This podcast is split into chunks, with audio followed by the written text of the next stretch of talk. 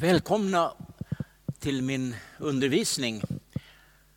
Och jag talar över ämnet att vandra med Jesus i den sista tiden.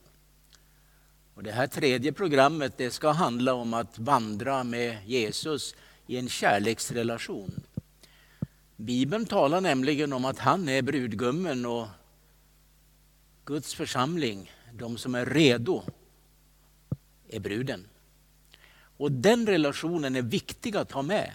För den skapar en djup också emotionell känsla som inte bara stannar vid den akademiska kunskapen utan den, den, den, den, den ger utrymme för denna djupa närhet och känsla som kärleken, förtroendet och ansvaret mellan två personer ger. Jag ska läsa nu från Matteus evangeliet ifrån det 25 kapitlet. Kapitel 24 och 25 handlar nämligen om Jesu återkomst. Det är Jesu eskatologiska tal. Och det betyder han, talet som handlar om hans återkomst och den sista tiden. Här talar han mycket om tidstecken och, och så. Och ganska precis mitt i talet, det är som ett nav mitt i hjulet. Där tar han den här berättelsen om de tio jungfrurna. Det är ganska intressant att det är precis mitt i själva centrum av talet. Och jag läser den texten och det står så här i Matteus 25 från den första versen. Då ska det vara med himmelriket så som när tio jungfrur tog sina lampor och gick ut för att möta brudgummen. Fem var oförståndiga och fem var förståndiga. De oförståndiga tog väl sina lampor men tog ingen olja med sig. De förståndiga tog olja i sina kärl tillsammans med lamporna. Då nu brudgummen dröjde blev de alla sömniga och somnade. Men vid midnattstiden gör det ett anskri. Se, brudgummen kommer, gå ut och möt honom. Då stod alla jungfrurna upp och redde till sina lampor. Och det oförståndiga sa till det förståndiga, ge oss av er olja, ty våra lampor slocknar. Men det förståndiga svarade och sa, nej, det skulle ingalunda räcka till både för oss och för er. Gå hellre bort till dem som säljer och köp åt er. Men när de gick bort för att köpa kom brudgummen och det som var redo gick in med honom till bröllopet och dörren stängdes igen. Sedan kom de andra jungfrurna och sa, Herre, Herre, låt öppna dörren för oss. Men han svarade och sa, sannerligen säger jag er, jag känner er inte. Vaka därför, ty ni vet inte dagen och inte heller stunden. Det här är en gripande berättelse. Det talas om dagen eller stunden för Jesu Kristi återkomst, men ingen vet den dagen eller den stunden. Och så tar Jesus den här metaforen eller bilden som jag nu har läst. Och då kallar han de tio jungfrurna för förståndiga och oförståndiga. Hälften hälften vad jag förstår. Nu eh, vill inte jag påstå alls att hälften av alla kristna skulle vara förståndiga och hälften oförståndiga. Och det där kan nog variera från olika kyrkor, olika sammanhang, olika länder etc. Och ingen kan döma i det. Jag bara lär mig att det finns en risk för att i kyrkan av alla dessa troende kristna systrar och bröder så finns det en risk att några är förståndiga och andra är oförståndiga. Och detta gäller, om du ser precis till vad Jesus talar om här, i den allra sista och yttersta tiden inför Jesu återkomst. Det är det det handlar om här. Och nu måste vi försöka komma fram till vad är det att vara förståndig? Och vad är det att vara oförståndig? Det är inte så att de oförståndiga förnekar Jesus och blir ateister. De finns ju med i gruppen här. Alla tio hade nämligen samma ärende. att möta brudgummen. Alla hade samma utrustning. Lampor och kärl där man skulle förvara oljan. Det som skilde dem det var energin. De förståndiga hade olja i sina lampor. De oförståndiga hade ingen lampa, ingen energi. Och för att vandra med Jesus i den här tiden som avses i 24 och 25, de här båda kapitlen, så måste man ha energi, det vill säga kraft, det vill säga övertygelse. Det vill säga man måste ha en bärande vision som inte bygger på mänskliga idéer bara, utan den bygger på den gudomliga energin som är den heliga Ande. Olja är nämligen en bild i Bibeln på just precis den helige Ande. Och nu eh, skulle vi lära oss någonting om kyrkan, församlingen alltså, de troende kristna inför Jesu återkomst. Tiden mellan Jesu liv här på jorden när han gick med sina lärjungar och sin återkomst kallas för församlingens tid kallas också för hedningarnas tid, för det är de som ska få evangeliet under den här perioden speciellt. Men det är församlingens period. Det är där församlingen föds. Den fanns ju före pingstdagen mm, eh, på, eh, som ett embryo eller som en, en förberedande verklighet när Jesus vandrade med dem. Men det var inte en färdig församling då.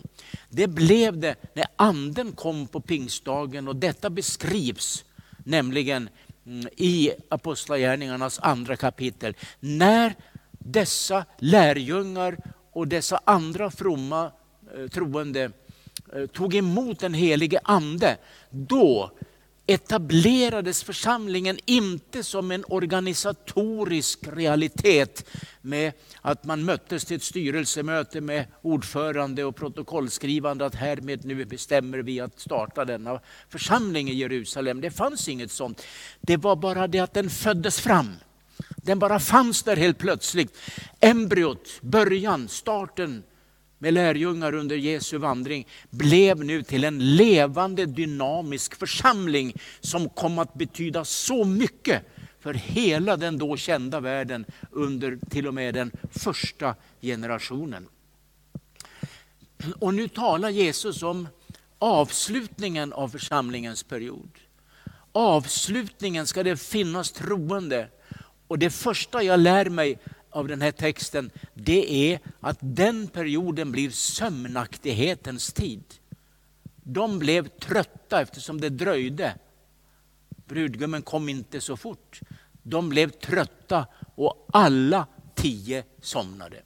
De förståndiga somnade och de oförståndiga somnade. Och de sov, kanske djupt, inte vet jag, men de sov i alla fall. Det var sömnaktighetens tid.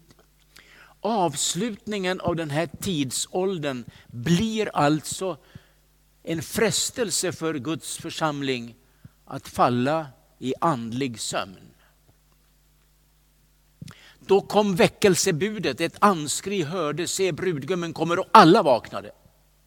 Det var en oerhört stark tid som nu kom för dem. De väcktes ur sin sömn.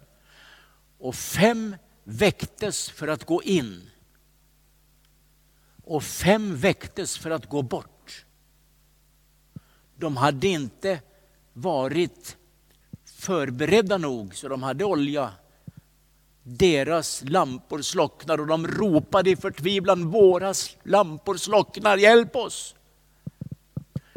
Det gäller att vara förberedd i tid så att inte sömnaktighetens sande innebär att vi inte har brinnande lampor. Vi kan alla somna, inför vissa områden, i vissa lägen i livet så är vi inte väckta riktigt, vi förstår inte riktigt sammanhangen utan vi slumrar till. Men Gud ska hjälpa sin kyrka idag att vara vakande och bedjande. Jag tror inte i alla fall att jag gör eh, våld på den här bibeltexten om jag säger att i den sista tiden, i de yttersta dagarna, så kommer det att finnas två församlingskaraktärer i den yttersta tiden. Och de går inte efter vissa samfund eller vissa kyrkoriktningar eller lokala församlingar där alla sover och så har du en där alla är vakna. Jag tror faktiskt att det här problemet går in i alla kyrkor, i alla samfund, i alla fromhetsriktningar. Så finns det förståndiga och det finns oförståndiga. Och det kommer att bli en väckelsens tid. Men tyvärr kommer inte alla att vakna upp över att eh, eh vakna upp över att man kan eh, förnyas och ta nya tag. Man vaknar upp för sent. Och jag vill inte spekulera i det, men jag tror att vi måste säga det så att vi har en beredskap så att vi kan eh, vara beredda så att vi har lampor som brinner. Nu kallas alla de här tio för jungfrur. Och det tycker jag är ett intressant uttryck. Det är jungfrur som, som, som, eh, som inte har delat sin kärlek åt andra håll utan de har varit trogna till sin Herre och sin Mästare och det är ju Jesus i det här sammanhanget. Och då konstaterar jag för det första, alla jungfrur hade lampor. De hade samma bekännelse alltså.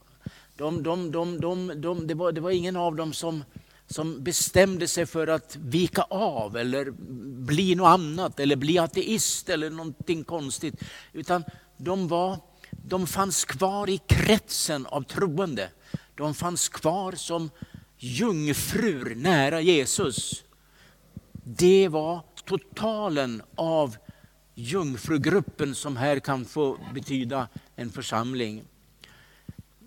I församlingen i den sista tiden måste alltså vara jungfrur i betydelsen nära Jesus i en kärleksrelation.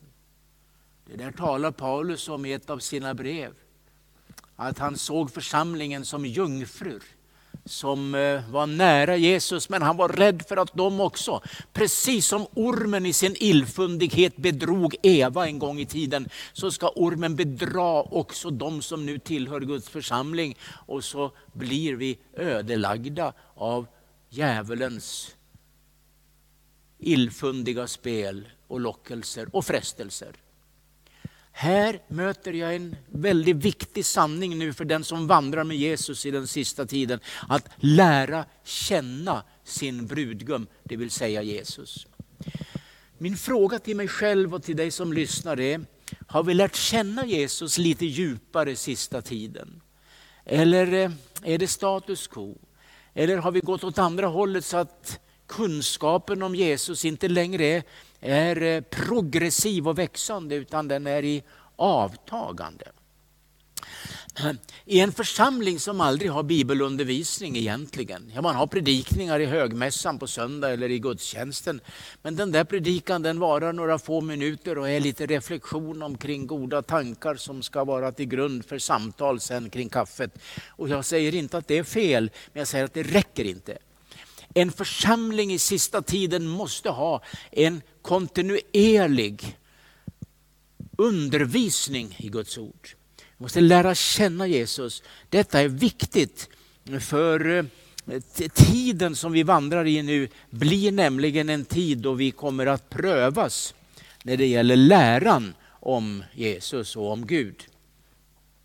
Om vi går till sjunde kapitlet av Matteus så läser jag där Eh, från den 22 versen. Så här ska vi läsa. Hör Herrens ord. Många ska på den dagen säga till mig, Herre, Herre, har inte vi profeterat i ditt namn och genom ditt namn drivit ut onda andar och gjort ditt namn, genom ditt namn gjort många kraftgärningar? Men då ska jag betyga för dem, jag har aldrig känt er. Gå bort ifrån mig, ni ogärningsmän. Detta är en oerhörd text. Att på domens dag ska det tydligen ske att någon ska hävda inför, inför domaren, den allsmäktige, ja men vi har ju gjort massor med saker i ditt namn. Under livet, vi hade stora möten, vi drev ut onda andar i ditt namn och vi gjorde massor med saker i det kyrkliga. Men Jesus ska titta på dem och säga, vilka är ni? Jag känner er inte. Och precis så var det också med de här jungfrurna. De som, eh, de som nu eh, skulle gå in och de andra som kom för sent, Jesus frågade dem, eller brudgummen frågade, vilka är ni? Jag känner er inte. Ni får inte komma in, hit får bara de som jag känner komma in. Det är, det är en oerhörd tanke detta, att lära känna Jesus.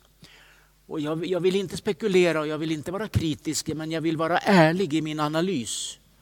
Att en kyrka som aldrig undervisar folket, som inte har bibelstudier, som inte lockar människorna till att växa i ordet. De kommer ju inte att lära känna Jesus. För det är genom bibelordet vi lär känna honom. Och det är genom den djupa, nära vandringen vi lär känna honom. Ann-Britt, min fru och jag, vi har varit gifta i några år över 50 nu. Det är många år. Men eh, när vi bestämde oss för att vi skulle leva tillsammans, då kände vi varandra tyckte vi. Men eh, det gjorde vi ju inte egentligen så värst mycket, för vi hade bara varit tillsammans en kort tid. Men idag har vi levt tillsammans. Vi har vandrat tillsammans med varandra sedan annandag jul 1967 så har vi vandrat tillsammans, lärt känna varandra. Det är fantastiskt. Och den som vandrar nära Jesus vandrar så nära honom så att man lär känna honom. Lär känna Jesu kärlek, lär känna hans hjärteslag, lär känna hans ömhet, lär känna Jesus djupare, djupare för varje dag. Och jag kan vittna om och säga, jag tycker att jag kan vittna och säga att jag har upptäckt Jesus djupare och på nytt på gamla dagar. Jag tackar honom varenda dag för förlåtelsen och för frälsningen och för nåden och jag får vandra med Jesus. Halleluja! Och detta är så underbart att få göra det och få lära känna honom. Inför domens dag alltså ska mycket ramla ner som ett korthus. Det kommer inte att hålla därför att vi eh, inte lärde känna hans hjärta. Man kan lära känna hans teologi. Man kan skriva doktorsavhandlingar, man kan gå på ett universitet och studera kristologi, som det heter då. Men inte lära känna honom som person. Man kan doktorera på Jesus utan att ha lärt känna honom i sitt hjärta. Man kan eh, hålla föredrag om Jesus utan att veta så värst mycket om honom på djupet. Men det kan finnas män och kvinnor i Sverige och i världen som aldrig har varit i närheten av ett universitet och som aldrig har gått så värst mycket i skola och som aldrig har, har, har eh, läst mm, teologieböcker om Jesus. Men de har lärt känna honom i sin bönevrå. De har lärt känna honom i en sliten bibel som är röd och blå och grön och svart färgade under versarna för de, är, de har skrivit under alla löftesord. Det är, mina, min vän, storslaget att få vandra med Jesus för att lära känna honom i den här sena tiden. Och jag minns i min ungdom, jag hade bibelstudier och, och, och eh, undervisning från Hosea-boken just över ämnet att lära känna Gud. Och jag upptäckte hos Hosea, och jag höll, höll, flera predikningar och jag, vet, jag minns det så väl, jag var ung. Jag minns hur till och med någon äldre predikant kom och tackade mig. Jag minns en äldste broder, jag minns andra äldre som sa tack för denna undervisning, vi har nästan aldrig hört det här. Och då var det en enkel undervisning direkt från Bibeln, från Hosea-boken. Till exempel från Hosea 2 eh, det jag kunde läsa 19 versen och 20. Jag ska trolova dig med mig för evig tid. Ja, jag ska trolova dig med mig i rättfärdighet och rätt i kärlek och barmhärtighet. Jag ska trolova dig med mig i trohet och du ska så lära känna Herren. Att vi lär känna Jesus genom trolovning. Och Det säger Paulus på ett ställe om församlingen jag har trolovat er med Kristus och ingen annan. Det finns alltså en djup kärleksrelation för den som vandrar med Jesus i den sista tiden. Så är vi trolovade och bunden till Jesus genom trolovningslöftena. Och då ser vi fram emot vigselakten, för den kommer ju så småningom. Och jag minns när Ambrit och jag förlovade oss och vi, vi skiftade ringar och vi bestämde inför oss själva och inför eh, alla våra vänner att vi hör samman nu. Så såg vi fram emot bröllopet. Och, vi pratade om det och jag reste mycket och predikade och, och, vi hade kontakt med varandra. Det fanns varken Facebook eller, eller, eller, eller eh, mobiltelefoner på den tiden. Så vi skickade brev och klistrade frimärken på de där kuverten och så skickade vi. Och det var nästan bara om, om framtiden och kärleken och bröllop och allt som låg framför. För vi levde i den visionen, vi levde i den dimensionen. Och den som vandrar med Jesus i den sista tiden gräver inte inte ner sig i materialismen, gräver inte ner sig i allt som hör denna världen till. Utan nu ser vi fram emot att få lära känna Jesus. Och jag är så gammaldags och jag tror att det ska bli ett bröllop i samband med Jesu tillkommelse. Det står i alla fall mycket om bröllop och bröllopsmåltid och bröllopskläder i Bibeln som är, eh, som är riktade till just, eh, just Jesu återkomst. Och bruden står det i, i, i Uppenbarelseboken 19. Bruden har gjort sig redo för bröllopet genom att klä sig i vita skinande kläder. Detta är de heligas rättfärdighet. Så att lära känna Jesus. Och i Hosea 5 läste jag i mina predikningar på den tiden. Deras gärningar hindrar dem att vända tillbaka till sin Gud. Ty en otuktsande bor i deras bröst och Herren känner dem inte. De hade inte lärt känna Herren därför att det var en otuktsande i deras bröst.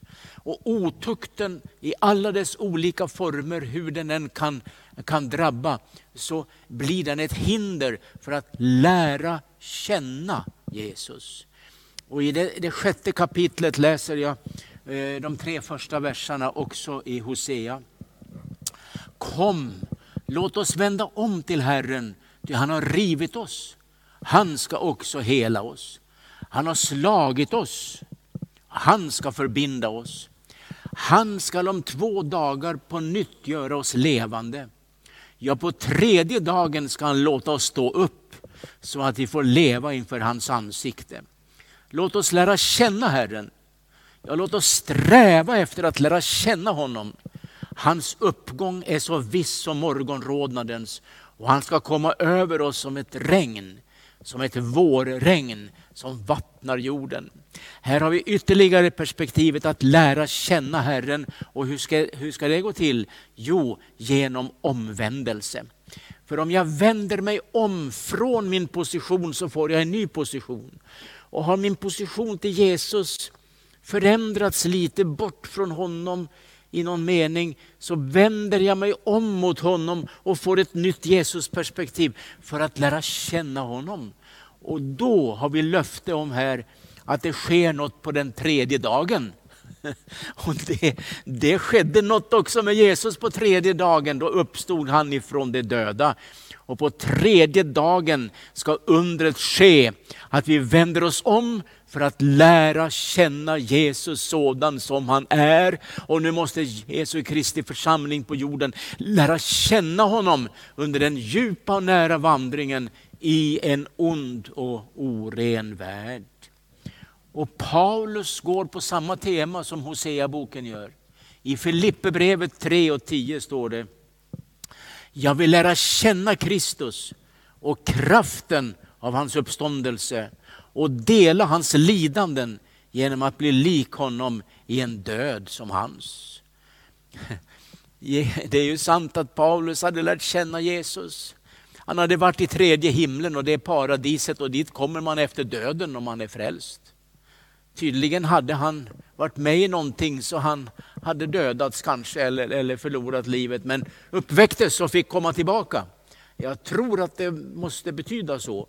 Han hade sett så mycket, han hade kunnat skrivit om det, han hade kunnat pratat om det, men han säger att det jag var med om där och då, Eh, det fick jag inte tala om för det var topphemligt. Det var det han såg i den himmelska världen, det fick inte talas om. Men han hade sett det. Han hade sett det, han hade sett under och tecken, han hade sett mirakler, han hade sett Guds gärningar av icke vanligt slag.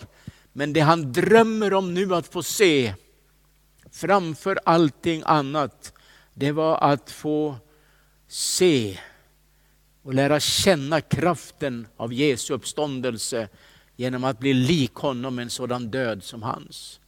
Att få lära känna, att få se, att uppleva, att bli till ett med Jesu Kristi uppståndelse från de döda. Och då tar vi med också första Johannes brev i det tredje kapitlet, verserna 2 och 3. Men vi vet att när han uppenbaras kommer vi att bli lika honom. Ty då får vi se honom sådan som han är.